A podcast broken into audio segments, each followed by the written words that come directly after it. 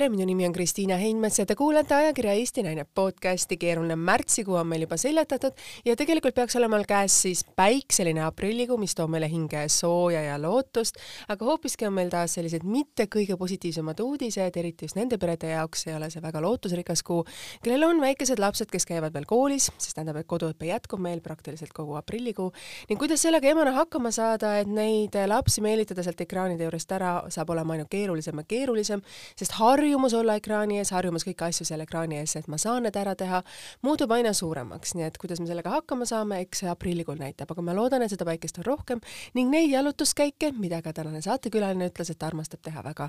saab olema neid kordades rohkem, kui märtsikuised külmad ilmad lubasid.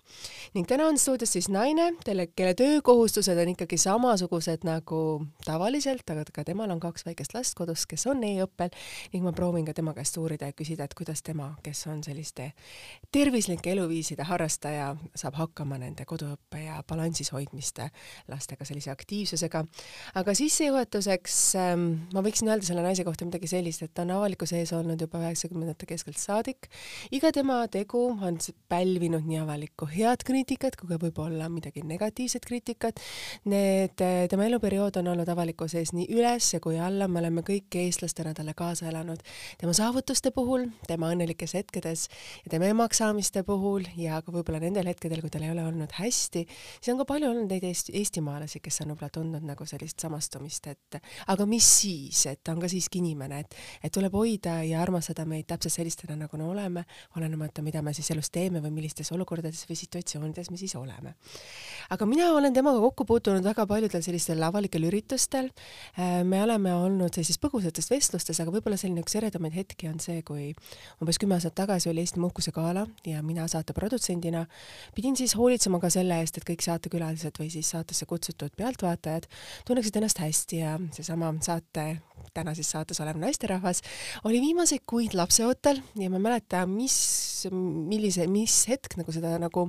täpselt nagu põhjustas või nii, aga igal juhul mingil hetkel ma mäletan seda, et ma läksin taha ruumi, tõin oma meigikoti, andsin selle temale, et ta saaks ennast natuke värskendada ennast telesaate jaoks, et selline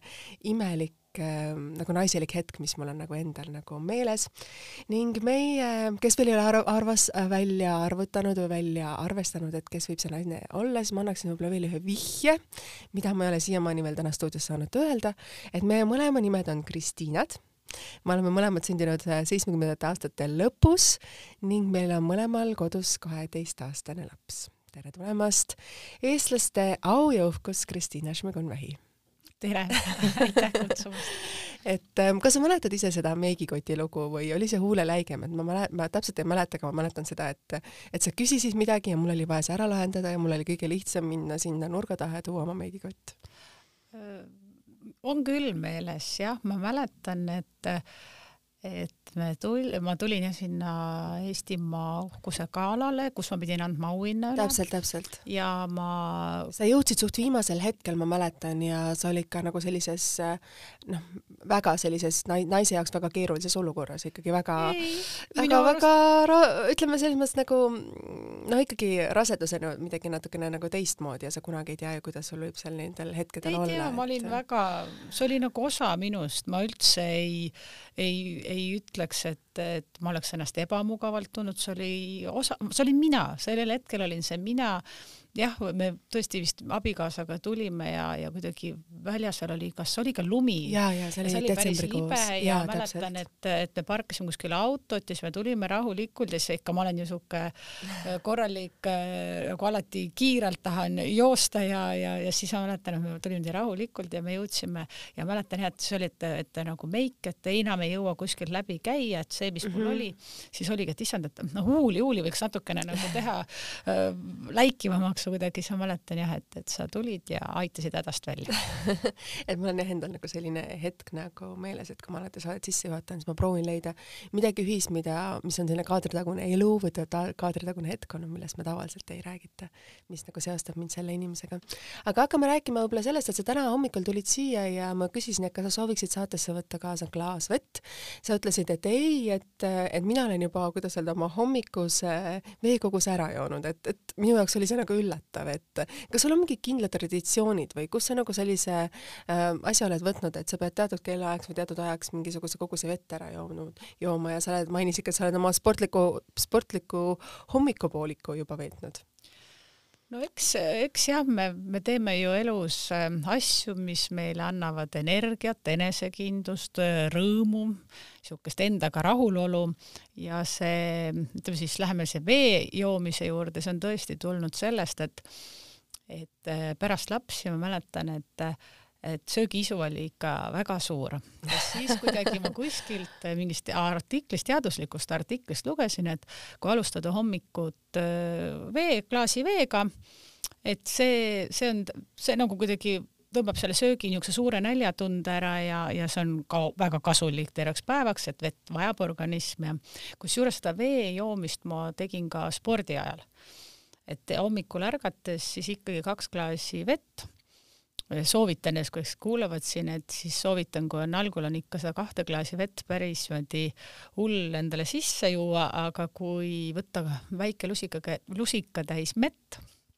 ja siis need kaks klaasi vett, et see on, ja seda ei pea korraga niimoodi, kuidas öelda, endale sisse kummutama, et jooke klaasikese ära, siis natukese aja pärast teise klaasi. Ja noh, muidugi minule meeldib siis nende klaaside vahel, kui on ära joodud see klaasike vett, siis ma teen oma hommikurutiini, see on niisugune võimlemine, jooksmine ja siis alles tuleb see hommikusöök pärast seda. mis on see hommikurutiin sul, et millest ta koosneb, on ta kümme minutit, pool tundi, tund aega? no tegelikult, kui ma nüüd ütlen, siis ma võib-olla hirmutan inimesed ära no ilmselgelt oled sa sportlane ja sinu see kehakoormuse vajadus on suurem. Äh, tead, see on tõesti, see on nagu harjumus mm, -hmm. see mhm. ongi tulnud aastatega. ma ütlengi, et eelmine aasta, kui me siin päris lukku läksime, siis ma alustasin äh, viie tiibetlasega. Mida ma varem ei olnud kunagi teinud, lihtsalt mul oli raamatuid kingituid sellealaseid ja ja kuidagi abikaasa tegelikult tegi niimoodi vahelduva eduga.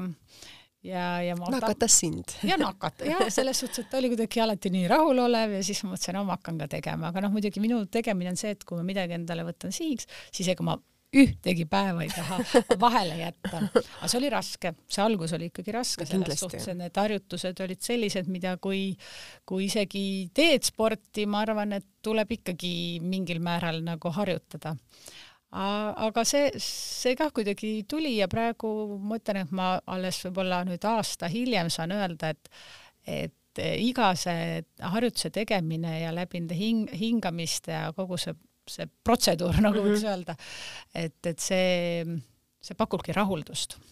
mitu päeva siis vahele on jäänud, sa ütlesid, et sa ei tahtnud ühtegi päeva vahele jätta, kindlasti no, neid on, on olnud. on, on, muidugi on olnud ja, ja mm -hmm. no eriti juhtub neid eh, laupäeval, pühapäeval, kui, kui magad kauem ja siis hakkab lastega niisugune hommik pihta ja siis on vaja kuskile ruttu ruttu minna ja teha ja siis mõtled küll, et oot-oot-oot, mu harjutused, aga no küll ma siis õhtul teen ja siis on õhtu juba käes ja siis, siis tavaliselt ma teen ainult selle esimese harjutuse, selle keerutamise ära, et siis on nagu vähemalt midagigi. aga mis see viis tiibetlast on, need harjutused täpselt siis, et võib-olla sa kirjeldaksid seda, et ma olen nagu sellest kuulnud, aga ma ei ole ise, ise seda nagu väga harrastanud või sellesse spetsiifikasse süüvinud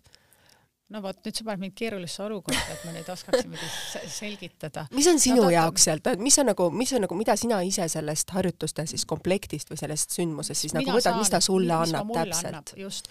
äh, mulle annab meeletu rahulolu just iseendaga ja siukse õnnetunde päevaks ma ei, ma ei oskagi ta seletada, aga ma arvan, see on minu peas, see on nagu minu, minu niisugune väljamõeldis, mis ta mulle annab. ja loomulikult ühte asja pean veel tunnistama, et, et äh, alles õppisin hiljuti siin lumelaua sõitmise ära. ma tahan öelda, et ta väga kihvtilt äh, kuidagi on mul sisemisi lihaseid tugevaks teinud et tasakaalu ja ma ei oska öelda, et see, see mind pani imestama, et et ma niimoodi ütleme, kaks aastat tagasi õppisin lumelauda sõitma ja sellel aastal, kui ma sõitsin, siis seda sõites ma tundsin, et issand, et ma olen nagu osav kuidagi või siukene, aga siis ma mõtlesin, see on sellest viiest tiibetlasest, et see siukene tasakaalu hoidmine mm -hmm. ja mhm. nende, ütleme, need on, mis need viie tiibetlase puhul ongi, et see harjutustel, see on hingamine üks asi mm -hmm. ja mhm. ka äh, siis niisuguse stabiilse hoiakut, hoiad siis oma kehaasendit äh, mingis äh, olekus siis. minu kui tavainimese jaoks on see natuke uskumatu, et sa selliselt räägid, sest ilmselgelt tippsportlasena peaks su keha olema ju treenitud, sa peaksid oskama igas asendis põhimõtteliselt jalgu tõsta või hüpata või mis iganes nagu teha ja sa mainisid, et sa õppisid alles lumelauasõidu kaks aastat tagasi ära, et sa oled ju suusataja, olümpiamängude võitja, lumelaud nüüd alles. Jaa, aga, aga vaata kõiki asju, kui sa ei ole teinud midagi lapsest peale, eh, siis selle, selle õppimine võtabki, võtab aega ja loomulikult kõige olulisem on ju meil see julgus et julgeda teha, sest me ikkagi ju, paljud asjad jäävad selle taha, et meil on hirmud, et, et juhtub midagi. Et selle, selle üle on jah, samas sa oled ju Otepää tüdruk. Äh, teil on ju kodu seal mäenõlvade kõrval, et kas sul ei olnud äh, juba kakskümmend aastat tagasi inimesed panid ju lumelaua alla, sina ka noore tüdrukuna, kas sa ei mõelnud, et ma nüüd teen ka ühe väikese sellise allasõidu äh,? siin ma täpsustan, ma olen tegelikult Tartus sündinud ja, ja Tartus mm -hmm. olen ka, lõpetasin keskkooli üheksakümmend viis ja alles üheksakümmend seitse kolisime Otepääle lõplikult siis aga mm, sporti tehes, vaata kui sa teed tippsporti, mingit ähm, ala, siis sa väldid neid alasid, mis võivad äh, põhjustada traumasid mm. -hmm. ja me vaata siia enne, siia tulles ka me korraks põgusalt rääkisime, et, et, ähm, et kas on olnud vigastusi mm. -hmm siis minul ei olnud tui-tui spordi ajal, sporti tehes kunagi vigastusi kõik vigastused, mis olid, olid väljaspool sporti rumala peaga tehtud, eks ju, et läbi mõtlemata. et vot nii kas see distsipliin, mida sa pidid lapsena tegelikult ju järgima ja eriti noorena, noore naisena, et kas see nagu liiga range ei olnud, kui sa nüüd ise tagasi mõtled? oli. jaa, absoluutselt. Et kui sa ütled, et sa ei saa, et kõik rumalused, mis said tehtud, et see ikkagi see keskendumine ainult ühele alale, et sa isegi lumelauda ei õppinud, et see on ju natuke sa päris palju, päris paljust pidid ju loobuma, kuidas sa ise nagu täna sellele tagasi vaatad? ma võib-olla vaatan täna sellise pilguga, et, et muud moodi ei saa. muud moodi ei saakski üldse. et kui sa tahad ükskõik mis alal jõuda maailma tippu, ma ei mõtle isegi siin ainult spordi tegemist, ma mõtlen siin ka üleüldse, ma ei tea, äri, karjäär kuskil, olla parim pianist, olla muusik. Ma arvan, teist võimalust ei ole, et sa peadki sada protsenti pühenduma millegile. Ja sul peab olema rutiin, sul peab olema hea rutiinitaluvus, eks ju. see ongi järjepidev, sa pead seda tegema iga jumala päev ja see ongi sinu üks siht ja sinu asi, mida sa teed, sinu töö, et lapsena on seda väga raske mõelda, et kui sa ise mõtled oma lapsepõlvele tagasi, et ma tean, et sa oled sellest noh, nagu rääkinud ka erinevalt, et kui palju sa ise tundsid, et ma tahaks ka ikkagi minna täna reede õhtu sõpradega välja, kui palju neid, oli palju neid olukordi ja siis teadsid, et aga sa pead olema laupäeva hommikul näiteks kell seitse või kell kuus juba võistlustel kuskil või sõitma kuskile, et sa ei saa seda lubada endale. et kuidas sa ise hoidsid seda nagu tasakaalus endas mm.? Tead, see oli hästi huvitav, et kuidagi hästi varakult on minu juurde jõudnud äh, tõekspidamised või et mis on õige, mis on vale. mäletan, olin, ma arvan, kuues või seitsmes klass, oli klassiõhtu ja järgmine päev oli trennipäev. ma mäletan, et käisin seal klassiõhtul ära kõik, ega mul kunagi vanemad ei keelanud jaa, kõik asjad, et tee sinu valikud, sina, järgmine päev on lihtsalt trenn sellel ajal ja noh, ise tead, kuidas hakkama saad, onju. Mhm, mhm. täpselt nii ja mäletan, läksin siis trenni ja kuigi jah, issand, sellel ajal klassiõhtult jube, ma arvan, üheksaks olime ilusti kodus või enne juba, aga ikkagi sa ei olnud puhanud sa ei olnud puhanud, sa olid ikkagi jalgade peal üleval ja eks sai tantsu visatud ja, ja, ja mäletan, järgmine päev oli nii kohutavalt raske, siis ma mõtlesin kõik mina ei hakka käima klassiõhtutel, et see ikkagi väsitab mind ära. sa tegid ise selle otsuse? jah. see on ju, kus sa nagu ise, kui sa täna mõtled emana tagasi, sa vaatad, kui palju asju tegelikult sinu enda lapsed nagu tahaksid teha ja proovida katsetada ja sa lapsena omasid sellist sisemist distsipliini või nagu sellist tahtmist, et kui sa nüüd ise tagasi vaatad, analüüsid seda, et kust see tuli sul? ma ei oskagi öelda, tead ma nii tihti ja võib-olla ma, ma mõtlen, ma olen naernud oma emaga, et ma ei saa aru, kuhu kohta me lõime oma õega pead ära, et me olime täpselt sellised, nagu me olime. et meil oli tõesti see sport, ütleme, sport oli kõige olulisem ja siis oli kooli, et koolitöö, kõik hinded oleks korras, aga see ei olnud ka, kuidas öelda, meie peres nagu ema-isa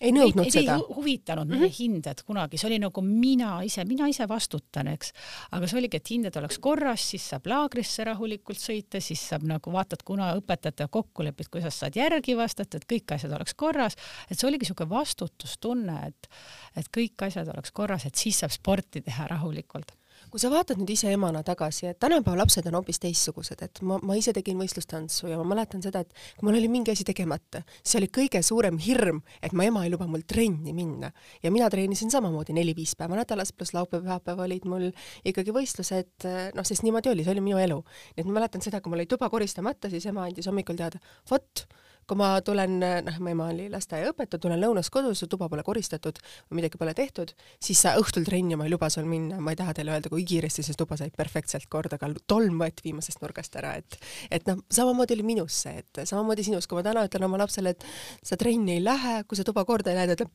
jee et kuidas sa ise seda mõtled? tuligi muie kohe niisugune tuttav tunne, et, et meie lastel, tähendab minu mm, -hmm. meie jah, Kristjaniga meie lastel, nende jaoks on ka see trenn nagu kõige olulisem ja Aha. sellega ma saan tõesti äh,, mulle muidugi vahepeal öelda, ütlevad lapsed, et ei tohi niimoodi meid äh, siin niimoodi šantažeerida et, et sa ütled, neid paned trenni niimoodi, ma ütlen ka, kui on õppimata, kui hinded on korrast ära mm, -hmm. siis trenni ei saa ja vaata, see on küll üks mõjufaktor, mis nagu paneb minu lapsed küll väga noh, kuidas öelda, ilusti, et oleks õpitud kõik asjad tehtud, et trenn, trenni tahetakse väga minna, et see rõõmustab, tõesti, see rõõmustab mind väga, sest ma kõrvalt näen eh, väga palju just ütleme, see kahekümne esimese sajandi mure, et kuidas ikkagi neid lapsi sealt arvuti tagant välja saada, kuidas neid õue saada, kuidas neid trenni saada, et oleks see huvi või, või kuidas tekitada huvi laste spordi vastu või ükskõik, see ei pea sport olema, kas või käia mingi huviringides, teha midagi väljaspool, väljaspool kodu, et, et see on päris keeruline.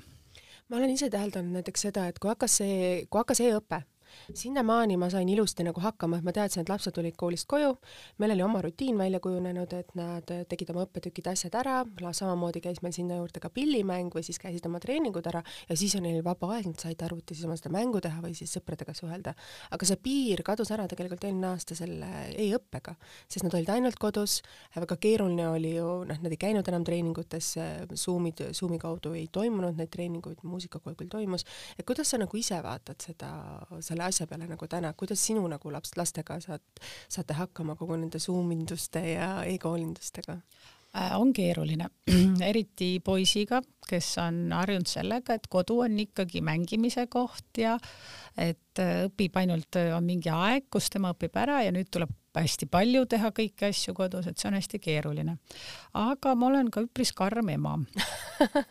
sa ausalt tunnistad? jaa, tunnistan, ma nagu oma lastega nagu, nad on minu lapsed, ma jumala pärast ei peksa neid, ei tee neile halba, aga me käime väljas lihtsalt ongi, ei ole valikut, sa paned riidesse, me läheme välja, tavaliselt on hull jonn võib tulla sealt ja mida iganes. ma kannatan selle ära, sest ma tean, et kui laps juba õue jõuab mm, -hmm ja juba see esimesed viis minutit, see värske õhk ja kogu see, kui veel nüüd kevad, kui on need linnukesed veel siristavad mõnusalt, tead, neil tuleb hoopis teine hingamine ja võid olla paar tundi väljas, tuled tuppa, ma ütlesin, no nii, kas oli seda väärt, siis on ju, et emme kallis, et palun anna andeks, tegelikult oli nii tore, anna andeks, et meile nii meeldis, lähme teinekord jälle. Ja siis tuleb see teine kord, mis hakkab täpselt samasuguse selle jonniga pihta ja siis jälle kuidagi noh, ma ütlen, et see, see millegipärast on nii, ma ei mäleta enda lapsepõlvest seda, et et meil oleks nagu üldse kuidagi öeldud, et minge õue, me olime nagu kogu aeg õues või seal oli lihtsalt nii põnev ja ma saan aru, et tegelikult ongi mm, tänapäeva lastel niivõrd palju huvitavaid asju kodus teha, ütleme läbi arvuti, teleka, et seda, seda, seda niisugust peibutust on palju rohkem, kui, kui saaks õues mingisugust liikumisi teha, kõndimist teha, et et siin ma ise, ise siin mõtlen väga tihti. Ja, ja olen vaadanud, kuidas äh, siin äh, ütleme, nutikalt mõeldakse välja laste jaoks äh, läbi siis nutiseadmed liikumine, et lapsed siis oleks sul see armas telefon, mida ei suudeta ju käest ära panna, et see ekraan oleks olemas, aga sa läbi selle ekraani ikkagi suudaksid kõndida vähemalt ja teha oma kehale midagi head, et et see on, see on suur väljakutse mul on hea meel kuulata, et sa oled samasuguses olukorras nagu mina, sest ilmselgelt seda jonni ja vabandust väljendusest poiste poolt neid jutumärkides ilusaid sõnu kuulata, enne kui sa suudad nad välja jooksma saada või siis me oleme abikaasaga samamoodi kokku leppinud, et tema läheb siis poistega, mina lähen siis tütrega, sest noh, ilmselgelt viie ja viieteistaastased ühte asja tegema panna on nagu keeruline. aga kuidas sa nagu emana saad sellega hakkama, ma tean, et minul on endal alati närv on nii must et kuidas sa nagu ise nagu maandad seda ping-, pinget või kuidas sa suudad selle suu kinni hoida, et mitte nagu lastega kaklusesse sinna sattuda või nagu sellisesse, et noh, mina ise kipun seda, et nad ei taha tulla, siis sa ei tea lõpuks enam, mida ära teha, et neid sealt nagu välja saada või neid meelitada, sa paned need interneti kinni lausa Teliasse helistades, mitte helistades, aga siis seal samamoodi klikkides nendele süsteemidele, et ajutiselt peatatud selleks, et ta tuleks sinna välja, ütled, saad tagasi, kui oled tund aega õues olnud, et et noh, ma olen isegi sellised asjad kasutusele võtnud, et kuidas nagu sinul on see? ma olen ka hästi järjepidev selles suhtes, ma ei tee mingit kauplemist, lihtsalt nii on, see on meie pere pere, kes käib väljas ja me teeme asju koos perega ja me käime õues ja mingit vaidlust ei ole. jah, huvitav, et just poisiga on äh, kuidagi suuremalt äh, probleem, et tüdruk on kaksteist ja, ja tundub, et ta läheb ka sinna spordi poole väga ja ta on niimoodi omale sihte seadnud ja, ja temaga on praegu väga mõnus ausalt öeldes, te ei kujuta ette, et et ütleme, need nelja-aastased tagused või isegi viis aastat tagasi niisugused jonnid, mis olid ja ja see, et ma ei ole andnud kunagi järele vaid ikkagi ütleme seda noh, seda, mis lapsele kasulik on, et õues käia, joosta, võimelda, et seda, seda ma olen, kuidas öelda, hoidnud. et ma ei ole lasknud kaubelda, ma lihtsalt, see on lihtsalt niimoodi on ja, ja kõik ja, ja me oleme käinud äh, jooksmas, nüüd on hästi vahva on see, kuidas praegu siis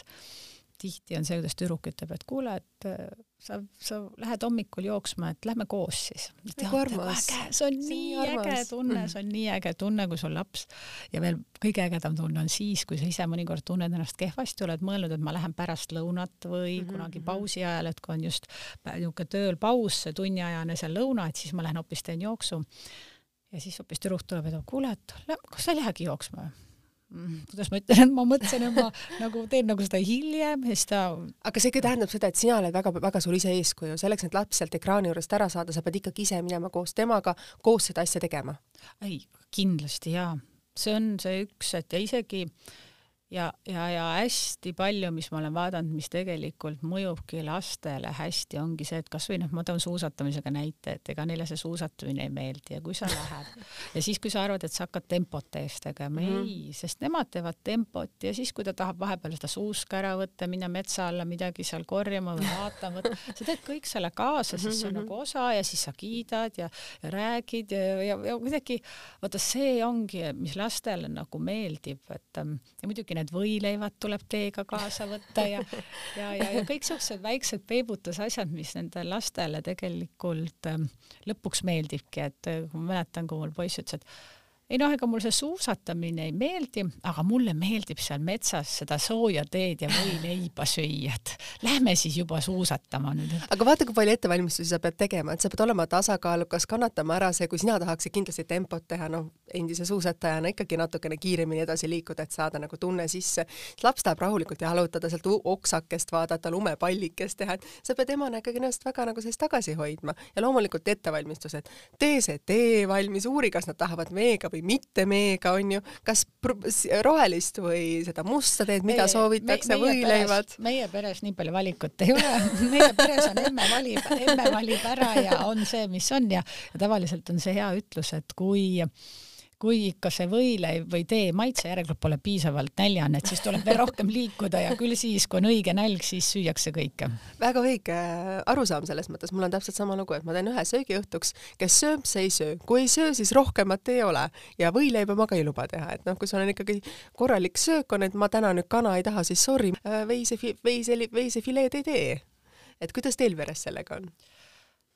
Põhimõtteliselt on ka niimoodi kuidagi praegu kohe lõi silme, et seik, kui mu poiss oli, mis ta oli, kaheaastane kuskil. ma mäletan, mul oli tehtud kana, kananuudlisupp ja, ja siis ta tuli laua taha, istus ja lükkas selle taldriku niimoodi ära, et see supp ka nagu mingil määral läks laua läks peale, laua peale. Mm -hmm. ma sain väga kurjaks. ütles, ta ei taha seda, talle ei maitse see, tema tahab pannkooke.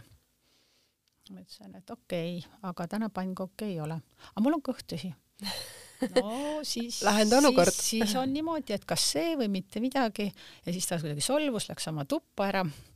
mängis, seal tuleb natukese aja pärast tagasi, ma ei korjanud suppi laua pealt ära. täpselt nii oli, see sinna jäi, tuli tagasi, siis ma arvan, mingi nelikümmend viis minutit oli möödas, tuli ära seal niimoodi mossitas, istus siis lauda, võttis oma lusika ja siis ma vaatasin, et issand, sellel kanasupil oli juba rasv ära hangunud ja siis ta sõi seda, siis ma mõtlesin, oi pojakene, teeks su luu, aga ei teinud muud, söö siis seda, vaata see oli, mida sa tahtsid. aga jah, ma arvan, et, et tegelikult ongi emad emana me tahamegi nagu laste heaks nagu hästi palju ära teha, et, mhm. et siin ongi, tulebki vaadata, et sa ei saa, et see laps sulle ikkagi pähe istub, et et äh, ma ikka oma naeran mehega, et meil, meie kodus on selline kord, et nii kaua, kuni teie lauad on meie köögilaua, laual, nii kaua meie ütleme, kuidas asjad on ja kuidas asjad käivad. Mul on endal nagu natuke sama, et ma proovin nagu seda teha, aga ma võin öelda, et kuidagi poistega mingi vanuseni kõik toimis ilusasti kenasti, istuti selg sirge, söödi korrektselt noakahvliga,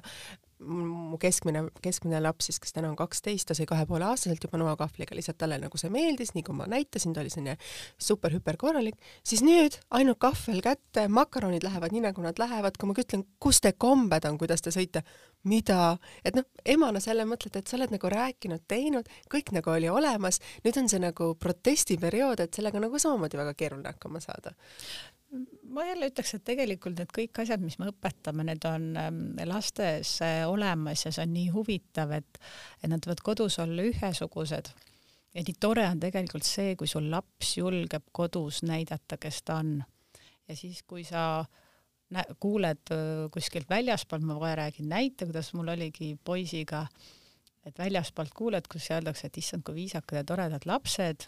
ma mäletan, kunagi oligi, et äh, poisil oli periood, kus tal lihtsalt meeldis õde noh, tõukida ja lüüa ja mingi siukene ja ma vaatasin, issand, et mõtle, kui sa lasteaias teed ja kindlasti kasvatad, ei julge öelda, läksin ja ütlesin kasvatajatele, et kui minu poeg ikkagi kellelegi liiga teeb. Mm, -hmm. et noh, ma ei pea nüüd vitsa andma, aga korrale tuleb kutsuda ja, ja kui on nagu mingi nurk, et korraks seisma panna, järgi mõelda või mingi nagu noh, et ta aru saaks ja siis mulle vaadati suurte silmadega, vaatas kasvataja otsa, et kas te räägite Kristorist, sa räägid ah, poisist? ma ütlesin jah, ta ütles ei, ei, ei, teie poiss teeb tüdrukutele uksi lahti, paneb pael vaiksematel kinni ja see on selline poiss, mul oli ahaa vot milline on poiss, et vaata, vaata näit oligi, et ta väljapool oli viisakas, aga kodus siis elas ennast välja, et see, mul on ilmselgelt sama kogemus olnud, et kui lapsed on kuskile võõrastesse peredesse nagu küla, külla läinud, nagu ikka, vaata suvel meil on, Pirital on elamine, siis käiakse seal sõpradel külas aedades, siis ma saan ka vastukaja, et oi, teil on nii viisakas laps, ta teeb kõike seda, seda ja kõike, siis ma mõtlen, issand jumal, kui hea on seda emana kuulda. kodus ma küll midagi sellist ei näe, et vähemalt on aeg-ajalt paar korda aastaski hea midagi kuulda, siis ilmselt ka sinul on nagu sama, et poisid kipuvad olema teistmoodi kui tüdrukud. oled sa seda ise täheldanud praegu oma laste puhul? Kuidagi see kuidagi ka ajas, ajaga muutub hästi palju, et, et et kuidagi, kui võtsin tüdrukut, siis tüdruk oli väiksem, siis ta oli niisugune niisuguse oma paraja iseloomuga ja vaidles vastu ja kõik niisugune isekas hästi. siis nüüd on nii muutunud, on niisugune nagu ma ütlen, et ma, ma kogu aeg ma ütlen, ma väga tihti teda kallistan ja ma ütlen talle, et issand, aitäh, et sa oled nii normaalne, see normaalne tegelikult ei ole tore sõna, aga et sa oled nii normaalne tütar. ma olen nii tänulik selle eest ja poiss oli samas väiksena selline, et ta tuli koju ja pani sättis kor-, noh, esikus meil jalanõusid kõik pani mm -hmm. ilusasti ära, kui olid mingid kivid, siis ta tahtis harja ja pühkis sealt ära. ja praegu vaatad, võtad, issand, tuleb koolist koju vahepeal ja ta viskab lihtsalt voodi alla oma riided, et, tema ei tuleks ütlema, et nad on sassis, et noh, kuskohast, et vaata, kuidas ta aja nagu muutub yeah. täiesti. noh, ja siis emana mis sa pahandad või pahandasid, et on nii kahju, et nii on, paned need ära nukra näoga seal, need ära ja siis on huvitav, kui poisil jälle hea tuju on, siis tuleb tagasi, ütleb anna andeks, et ma selline poeg olen, et ma tegelikult tahaks nii olla, aga ma ei tea, mul vahepeal on nagu mingi uss sees või ja siis ma saan täiesti aru, mäletan enda lapsepõlvest ka see puberteet, kui oli, et, et on, sa saad aru, et et nüüd on õige hetk nagu suu kinni panna, et mitte minna isaga tülli. Ja ikka pean ma selle viimase sõna ütlema. Ja saan aru ka pärast, et pidi ma selle viimase sõna ütlema, pidi ma selle uksega paugutama, et ja siis nüüd nagu emana mõtledki, et noh, kui on niimoodi, siis pigem ma ei hakka vaidlema, olen nagu püüan olla hästi rahulik, jah, pigem nagu lähed ära eemale ja kuidagi lased sellel lapsel siis seedida või nagu hakkama saada oma emotsioonidega. aga sa just rääkisid, et sul endal oli ka teismeeas selliseid hetki, et võib-olla mõni hetk, mida sa meenutaksid isaga, mis on sul võib-olla endal nagu jäänud sellise väikese okkana südames, kui sa teadsid tegelikult lapsena, et see võib-olla ei olnud õige, aga sa tahtsid oma selle, oma õiguse eest äh, seis, kuidas öelda siis, seista lõpuni? no ma olin ikka hea siukene ikka, ikka omal emale-isale ikkagi päris hull puberteet, et vaatamata sellele, et ma olin siuke sihikindel ja mul olid trennid väga tähtsad, ma olen nagu väga õnnelik selle üle, et mul oli elus nagu mingi siht mm. -hmm. et, et aga näiteks trennides, kui isa nagu ütles, et, et vaata, et kui sa seda tehniliselt teed nagu libistad näiteks seal jalale ja siis sa teed tõuke teed ja mina ütlesin, et ei noh, kui ma teen selle tõuke enne ettepoole, siis ma saan kiiremini ja mul on kiirem kiirus. ei, ei, sa ei saa aru. ja siis ma ütlesin, ei, see on niimoodi ja siis me läksime vaidlema ja siis me läksime nii vaidlema, et ma suutsin nagu mitte vait olla, vaid ikka veel oma, oma ajada ja, ja me läksime ikka korralikult, võisime tülli minna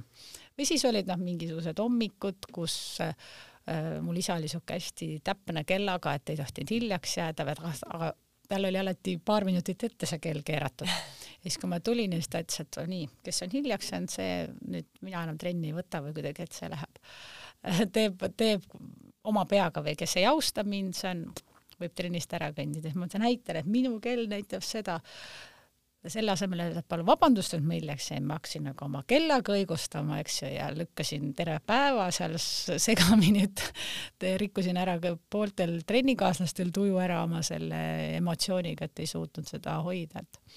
et minul on jälle emana selles mõttes natuke keeruline, et mina olin ülikorralik laps, minul sellist teismega üldse ei olnud. et minule öeldi, mis oli vaja teha, mina tegin ära, ma ei vaielnud vastu, mul olid omad sihid kindlasti, seda kindlasti, aga ma olin nagu selline hästi-hästi nagu rahulik äh, või nagu teistmoodi laps. ja nüüd ma ise näen oma laste pealt, et see on kõike muud kui rahulikkus, see on selline vaidlemine iga päev asjadega. mulle öeldi kodus, nii on vaja teha, ma ütlesin aitäh, läksin, tegin ära, et mul ei olnud vastu vaidlemist ja ilmselgelt nende poiste tembud, mis võivad olla teinekord sellised, et kui sa emana kuulad, siis ma olen ka nüüd öelnud abikaasale, palun, et ära väga valgusta neid enda tegemistest, kui sa olid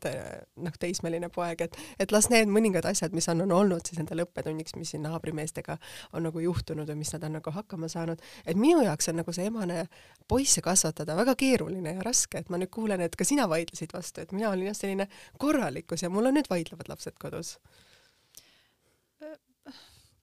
Võib-olla tõesti, et ega me ei jah, et nii nagu öeldakse, et ega me ei saa valida, kuhu perekonda me, eks ju, tuleme, ei saa samamoodi valida, et lapsed tulevad meie juurde, siis ma tavaliselt ma kuidagi vaatan lapsi ja ma ei oska öeldagi, et niisugune ikkagi ma vaatan neid alati, isegi kui nad teevad mingi krutski või midagi, siis ma vaatan neid õnnetundega. Ja, ja, ja tihtipeale, kui mingid pahandused on tehtud või asjad, siis ma hoopis olen lähenenud seal niisuguse suhtumisega, et et lähen ja, ja ta teab, et nüüd on nagu pahandus olnud ja siis lähed ja ütled, et ma olen tegelikult nii tänulik, et sa oled meie peresse tulnud ja ma olen nii tänulik selle eest, et sa oled ja siis loed kõik need head asjad ära, et mis, mis on ära olnud ja, siis sa vaatad, kuidas see poiss hakkab ka niimoodi mõnusalt äh, sulama ja siis juba mingil hetkel võib-olla tulevad ka isegi pisarad juba, sest tal hakkab südamesse, läheb kõik südame, hakkab valutama, et jah, et ta tegi midagi nii valesti. Ja kõige toredam minu arust alati see, kui laps ise mm, leiab siis need vead üles või, või, või et ta ise nagu mõistab, mis ta tegi valesti. mis ta valesti tegi mm, -hmm. mitte mhm. sa ei lähe nagu näpuga näitama, näed, et ette, ette ja tatta-ratta ja tatta-ratta, vaid ta ise kuidagi saab aru, et jah, et ma oleks pidanud nii ja naa tegema ja praegu eriti selle e-kooli e-õppega siis ikka õhtuti siin saab päris korralikult ähm, koolitöid teha, et, et küll arvuti temal, internetiühendus on halb ja oh, neid põhjusi, et miks nagu asjad tegemata on. Ja siis ta ütleb õhtul, et ma olen nii väsinud, ma ütlesin, aga tead, siis tuleb õppida oma päeva planeerima. et ei saa, et ei ole niimoodi, et sa lükkad homsesse asja, homme on uued asjad ja uued asjad, et et eks seda noh, vastutustunnet ongi võib-olla kümneaastasel veel veel raske, raske tahta, et, et vaatab muidugi kaksteist tüdruk, kes on juba ikkagi, vaata, sul on päris hea põhi koolist või ütleme, see teadmiste puhul, kuidas see õppimine käib, kõik on, kõik on olemas, et tüdruku puhul ma ütlen, et temale nii hästi sobib isegi see koduõpe ja, ja ta oskab niimoodi teha, et temal on see, et saab ära tehtud, siis on mul vaba aega ja kuidagi niisugune planeerib, aga poiss on seal kodus, et vahepeal vaatad, vahepeal käid ja piilud, et et, et kas ta ikka on tunnis ja ja, ja et, et, et ikkagi. kuidas sa ise nagu naisena hakkama saad sellega, et ilmselgelt sinu töökohustus täna Riigikogus on ikkagi see, et sinu tööd ei ole muutunud. lapsed on nüüd kodused, et kuidas sa, kuidas sa nagu sellega nagu hakkama saad, et oma aja jagamisega? Õnneks on kõik niimoodi, et on väiksed pausid, kus sa saad ära, et meil on ka niimoodi, et me oleme kirjutanud lausa välja siis paberi peale, et mis kell, mis asi algab, et et laps, ikkagi seal lapse õppimine on lapse kohustus mm. -hmm ja, ja ma olen öelnud ka, et tegelikult ei tohi niimoodi tulla, et kui minul on koosolek, siis ju noh, emme juurde võib alati tulla, kogu aeg küsima ma ei saa sealt hakkama, ma ei saa seda nuppu vaadata, aga ma olen ka koosolekul yeah., ma ka ei saa niimoodi tulla teie juurde, et, et kui mul on emmel on uks kinni, see tähendab, et mul on tähtsad asjad, et ma, ma ei saa niimoodi kogu aeg teie juurde tulla ja te saate iga asja küsida ja arutada siin. aga no ei, tegelikult saadakse hakkama, et, et, et rohkem ongi võib-olla lapsel endal see tahtmise küsimus ka, et kui hästi ma tahan need asjad ära teha, kui selgeks ma need asjad tahan saada, et jah, ta on on keeruline aeg no ilmselgelt on see keeruline aeg, aga kui sa nüüd ise vaatad tagasi tegelikult, et me naistena ju mingil hetkel teeme omal nagu eluunistuste plaane ja hakkame mõnes mõttes oma siis neid edusamme nagu tegema, et sinul oli väga suur osa nagu karjäärist. et nagu me hetk tagasi siin sissejuhatuses enne siis, kui me saate käima panime, korra mainisime, sa ütlesid, et sa ei ole kunagi ennast vaadanud eraldi. et sa oled alati olnud osa niimoodi spordist ja kogu su elu, kogu su arusaamad elust on olnud kui üks tervik et sa ei ole nagu osa vaadanud ennast nagu erinevates situatsioonides erinevalt. et kui kaua see sul kestis, sest ilmselgelt mingil hetkel see sport jäi ju tahaplaanile. et sa ju seisid siis kindlasti sellise mõnes mõttes teelahkmele, aga kuidas edasi?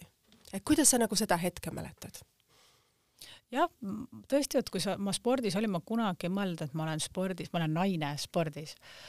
ma olin mina mina, mina, mina lihtsalt spordis, eks ju, ja, ja tegin neid asju, mis tulid minu, mis, mis olid minu, ütleme, hinge sügavad soovid või minu eesmärgid, minu nägemus, mis, mida ma tahan teha, kuhu ma tahan jõuda. kes ma olen, mis ma tahan teha mm. -hmm. just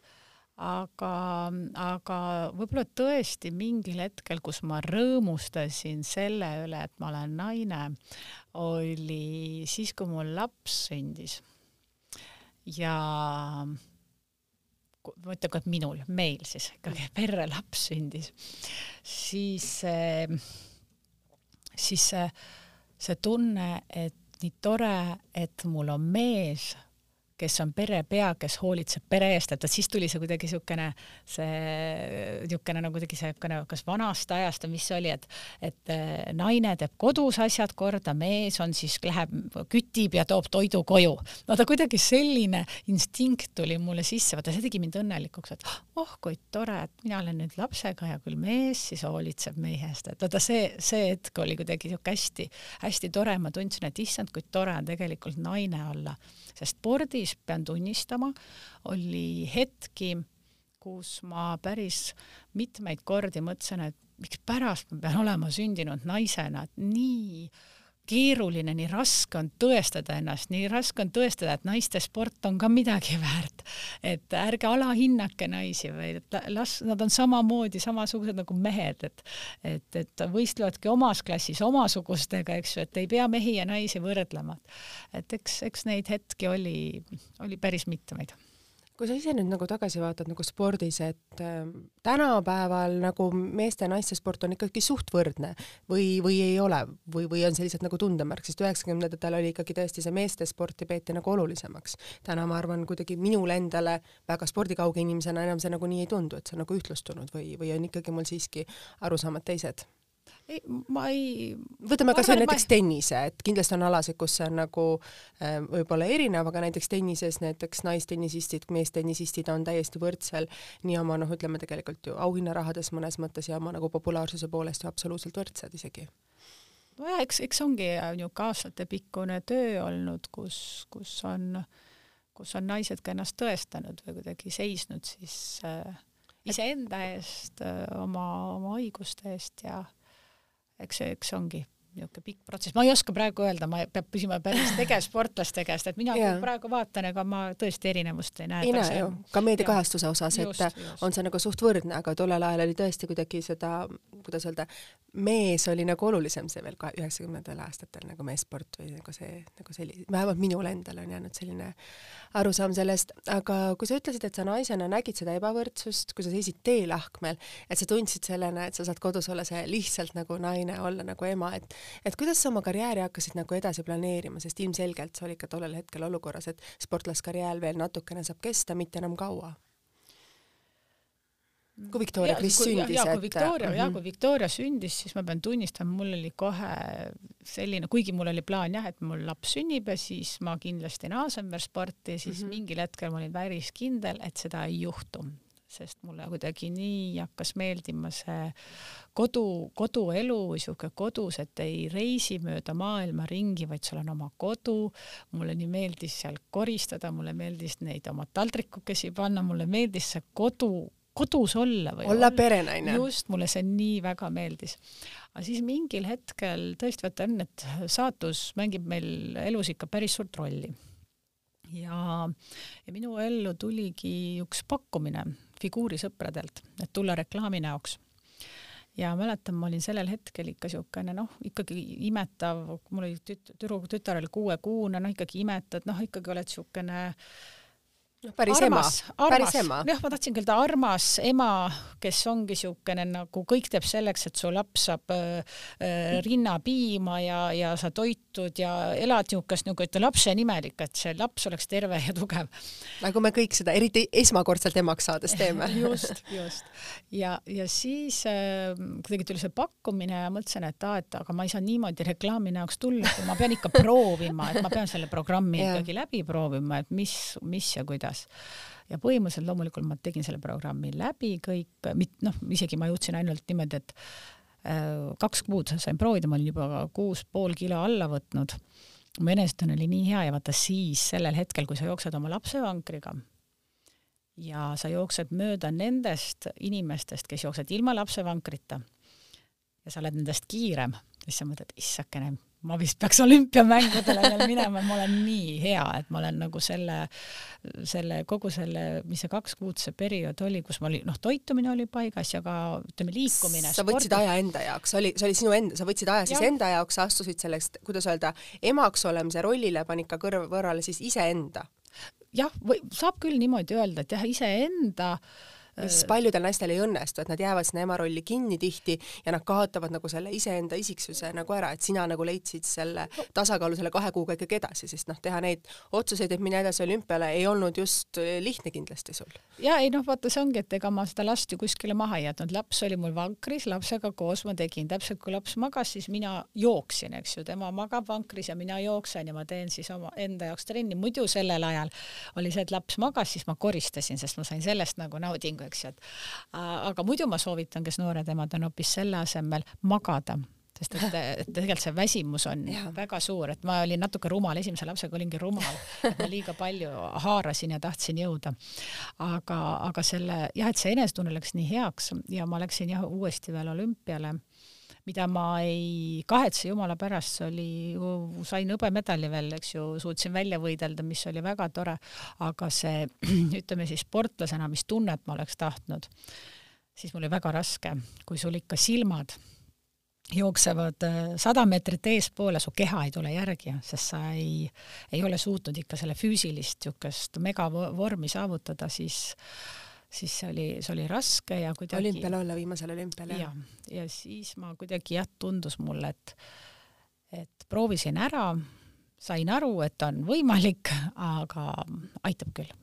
et pigem ma võtan, valin pere, valisin pere. kui raske see otsus sul oli kindlasti, sest see on ju, oli kogu su elu, sa ainult hingasid ja elasid ainult selle nimel. eks ta tuli siukse pika kaalutluse peale, et ta ei olnud, aga ma ütlen, et need võistlused olid nii rasked, nii rasked sulle. mulle, ma ei saanud naudingut enam sellest pingutusest, et kui vanasti oli raske ja see oli nauditav, siis nüüd oli raske ja see, ütleme, see taastumine võttis ikka nädal aega enne kui ma tundsin ennast jälle, kuidas öelda, see võistluse pingutus on ikkagi selline, et su kõik lihased ja kõik sul pärast valutab kõik, kogu keha ja, ja, ja sa, sa, sa, näed, et sa ei tule sellest äh, pingutusest välja ja see kuidagi, ma ütlen, kui sul on ikka ebameeldiv, et äh, mina ikkagi olen oma sporti teinud suure naudinguga, mulle meeldis pingutus, mulle meeldis ennast ülestada, mulle meeldis, et mul on raske. Ja kui ühel hetkel sa tunned, et et see ei paku enam sulle seda mõnu ja naudingut, siis, siis milleks sa teed, sa teed ju, ma teen asju iseendale, et siis tundus, et nüüd on, nüüd on see õige hetk ja sulle meeldis see, et pärast sellist, kuidas öelda, viimast suurt saavutust, mis sa ütlesid, et sa said, said nagu tehtud, aga sa tundsid, et sa rohkem ei jaksa, et sa tahtsidki jääda nagu koduseks, et olla ja pühendada ennast perele, nagu ma saan aru, et see oli su teadlik otsus ja see meeldis sulle, sa nautisid seda? ja, ja ma kohe oli ka, oli kohe teise lapse soov muidugi ma seal kogu aeg rääkisin, et ühel hetkel ma lähen ka õppima ja ühel hetkel ma teen seda ja teist, siis ma mäletan, mul mees, ma olen väga tänulik oma mehele, kes kes ütles, et aga mis sa mulle räägid, sa kogu aeg räägid, et, et mis sa teeksid ja mis sa teeksid, võta kätte, mine ja siis ma pugesin muidugi laste taha, et aga mul on lapsed, mul on lapsed ja, ja, ja, ja, ja kuidagi nagu see, see elu oli nii mugav ja nii tore mulle. Ja ma mõtlesin, et ah, et äh, küll sa ma oli... kunagi teen. aga sa olid ju ka elus nii palju juba saavutanud, et see oligi sinu aeg, et sul oli võimalik lõpuks puhata, olla lihtsalt see, kes sa tahad lihtsalt olla. jaa, aga mingil hetkel ma arvan, mul abikaasa nägigi selle ära, et et see kodu ja see, see, see igapäevane, see möll, et sa kaotadki iseennast ära. absoluutselt. ja see, et ta ütles mulle, mis sa räägid, et mine ja hakka õppima, siis ma võtsin kätte ja läksin õppima, ma arvan, see oli nagu parim asi üldse, mis sai ka elus juhtuda, et aga, aga väga raske, ma kujutan ette oh., kahe väikese lapse kõrvalt õppida, see on ikkagi ja. teistmoodi olümpiamedali saavutamine ju. jah, aga õnneks tänapäeval on nagu kõik võimalik mm, -hmm. võimalik, sa ei pea minema päevaõppesse, sa saad minna ja. kaugõppesse, sa saad võtta oma hoidjad. programmi, sa saad võtta hoidjad, loomulikult meil olid ka vanaisaid, vanaemad, eks ju, kõik abiks, kes tulid ja ma tahan öelda, et isegi see, et sa käisid see nädalalõpp, tegid oma õppimised ära või käisid Tartus, käisin Tartu Ülikoolis ära, tulin tagasi siia Tallinnasse, ma ütlen, et ma olin parem ema see andis, ma olin parem ema, ma olin parem mhm. naine ma olin nagu igatepidi ja, ja kuidagi see, et sa saad midagi iseenda jaoks teha. see on nii oluline. see, see on väga tähtis. et sa ei kaota iseennast ära ja sa teed täpselt seda, mida sa tahad oma tunde järgi nagu see kindlasti see õppimine oli. ja kui sa ära õppisid, siis sa läksid ju, sinu erialaks oli ju samamoodi natukene nagu teistmoodi valdkonnad, mis on samamoodi avalikkuse ees, et kui sa nüüd nagu täna tagasi vaatad, et sa olid avalikkuse ees, sa said vahepeal nautida nagu mõnes mõttes ikkagi seda nagu rahulikku elu, sa said saada hariduse ja kõik, ja nüüd sa oled tagasi avalikkuses ja kuidas sa nüüd nagu seda vaatad? no praegu hetk et vahepeal oli ju tegelikult hea ja mugav, rahulik, et sind mõnes mõttes ju hoiti meedia poolt, sind mõnes mõttes ju toetati ja täna sa oled jälle mõnes mõttes ju äh, oma ameti tõttu lihtsalt avalikkuse ees ja tihtipeale seda võib-olla näpuga näitamist ja sellist on samamoodi nagu oli ka spordis, et sa pead olema see perfektne, et sa ei saa olla lihtsalt inimene, vaid sa pead olema perfektsuse kehastus. ja praegu ma ütlengi, et vaata see, see, see hetk oligi täpselt õige jälle, et sa näed, mul olid väiksed lapsed, koolis hakkas käima tüdruk, poiss lasteaed ja sa näed nagu neid, ütleme selle Eesti inimese päris muresid või? sa oled selle sees, sa näedki, mis need, mis need murekohad on, et mis peaks ühiskond, kuhu me peaks vaatama. ütleme mind just eriti paeluski see no lapsed ja noh, noorte ja laste liikumine, ma ei räägi üldse spordist, ma räägin see, et olla normaalne ütleme, terve inimene, mis sul selleks vaja on. arvutiekraani juurest ära noh, arvutiekraani juures see mm. istumine, see, see, kui võtad lap, last, lasteaias, eks ju, jooksevad, liiguvad palju, nüüd ühel hetkel kooli, sa jääd istuma. ja seda liikumist jääb niivõrd väheks, et, et siin, et leidagi neid ähm, võimalusi ja ma näen seda, et tegelikult ähm, meie Eestis haridus, läbi haridussüsteemi me saame tegelikult meie Eesti noori tervislikuma eluviisile suunata, aidata, sest ma tean ise emana, kui tuled õhtul koju väsinud, lapsed ja siis minna veel kell kaheksa veel kuskile lastega. jalutama või teha midagi no,? jalutama, see on muidugi see jalutamine, see on ka, see oli väga kihvt rutiin meil ka vahepeal perel oligi see, et enne magaminekut kõik õpitud, nüüd teeme väikese kümme-viisteist minutit väljas mm -hmm. jalutuskäik, see oli väga mõnus ja tervendav, et see oli nagu perena tore, niisugune kokkuhoid, kuidagi sa saad üksteisega rääkida, käid, teed selle kõnniringi ära aga ma mõtlen neid inimesi, kes peavad, elavadki Tallinnast kaugemal ja -hmm. sõidavad lastega autoga ja, ja sa tahakski saada nagu selle oma lapse õhtul niimoodi, et temaga on kõik tehtud sa tead, sa oled süda rahul, ta on liikunud päevas, ta on saanud sooja söögi, tal on kõik hästi, tal on õpitud, jääme nüüd õnnelikult magama, et. kuidas sa oled jõudnud sinnani, et äh, kuidas asi areneb, ma tean, et see on sul südameasi, sa rääkisid sellest ka valimiste ajal hästi palju, et kui palju sul on seda õnnestunud nagu seda mõtteviisi viia ja mis sammud sa oled ise nagu suutnud nagu läbi viia? no kõik asjad liiguvad, tegelikult meil on. aga aeglaselt? Jah, seda küll, aga, aga nad liiguvad, meil on tegelikult hästi tored, on Tartu Ülikooli juures on liikumislabor mm, -hmm. liikuma kutsuv kool, juba praeguseks peaks olema, kui ma ei eksi, juba sada nelikümmend või viiskümmend kooli mm -hmm. on mhm. ühinenud juba liikuma kutsuva kooliga. see on väga tore programm, aga see programm on kuskil kuu, kuuenda klassini eks okay. ju, kus on nagu tehtudki see, et sul on õuevahetunnid mm, -hmm. õuevahetunnid, siis on aktiivsed õppetunnid, väga toredad asjad ja koolid ise, mis ongi, et tegelikult kool saab ka ise, kui on äh, juht, koolijuht selline, kes näebki, et jaa, ongi tähtis, et lapsed tegelikult õpivad paremini, kui nad teevad äh, õues väikse tiiru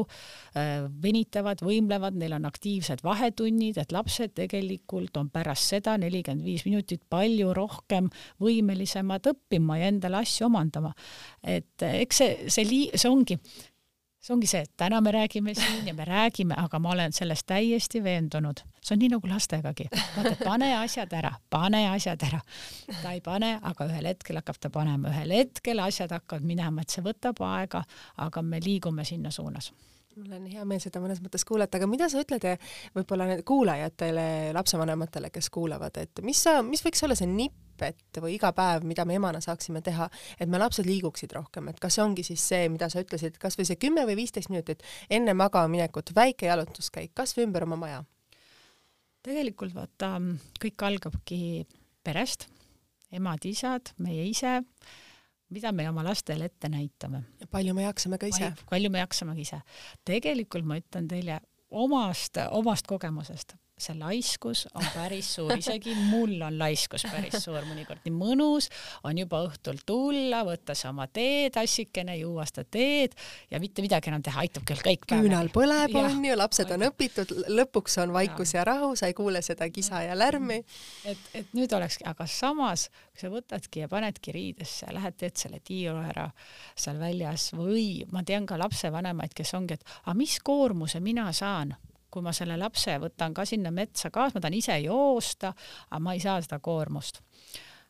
noh, see ongi, see on ka niisugune väike dilemma, eks ju, et, et tulebki mõelda praegu, et kuidas me teeksime, ehitaksime siis näiteks neid liikumisradasid niimoodi, et oleks ka lastel näiteks seal mingid ronimisalad, et ema saab joostagi mingit tiiru seal saepuru peal, aga laps, sa näed kogu aeg oma last, et kus ta seal keskel ronib või mängib või mingisugused asjad, et mõelda. see on väga hea mõte tegelikult, et mul on endal sama teema, et äh, kui mul laps on tütar on viieaastane, kui ta kaasa tuleb, ega no mina enda koormust kätte ei saa, mul meeldib rullitada tema sõidab siis rattaga. aga noh, ilmselgelt siis ma saadan ta jälle koju, jätan ta ukse taha, siis ma rullitan selle kodutänavale edasi-tagasi ja lehvitan temaga, et ta on seal akna taga mängib, et meil on selline traditsioon, et no, täpselt ka... samamoodi, et ta ongi kuskil nähtaval ja ma jalutan iga ühe minuti tagant temast mööda. just, et, et ma siin saan ise ka öelda, et,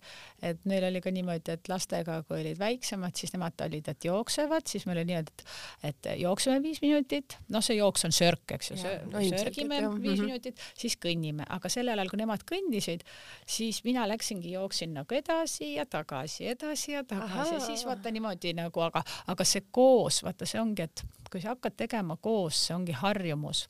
ja ma arvan, et, et võib-olla kui sa täna ei saaks seda koormust kätte, no lähed koju, teed rohkem kükke seal või midagi, et seda koormust kätte saada, aga see tunne, et sa saad lastega koos teha ja mingil hetkel, kui see laps ikkagi kutsub sind välja, et, et lähme jooksma, vot see on äge. nagu Viktoria täna sulle juba teeb just. see on, see on väga äge tunne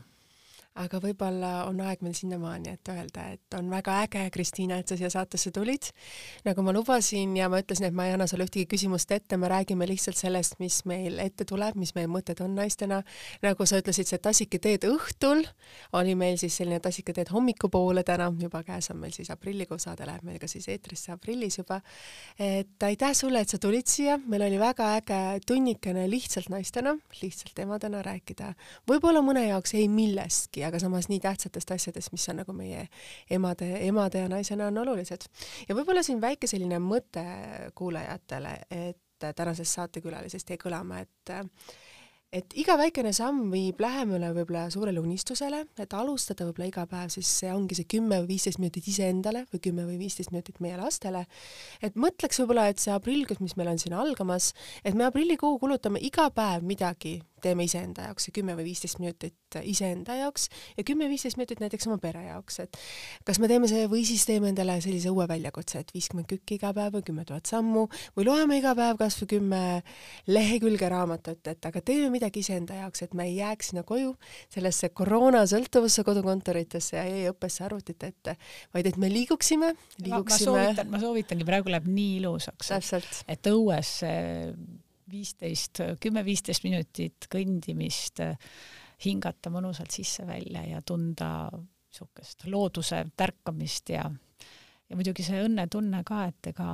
me ju ise mõtleme, kas me oleme õnnelikud või ei ole, et see on meis endis kinni. just, et pisikesed asjad tegelikult teevad ju väga õnnelikuks meid väga ilusasti öeldud. aitäh sulle veel kord, Kristiina. aitäh, et sa tulid meile saatesse, saade on kuulatav meil nii Spotify's, SoundCloudis kui ka tasku Delfi keskkonnas, nii et eh, kallid kuulajad, aprillikuu teeme endale head, teeme endale pai. kohtume juba teiega nädala pärast.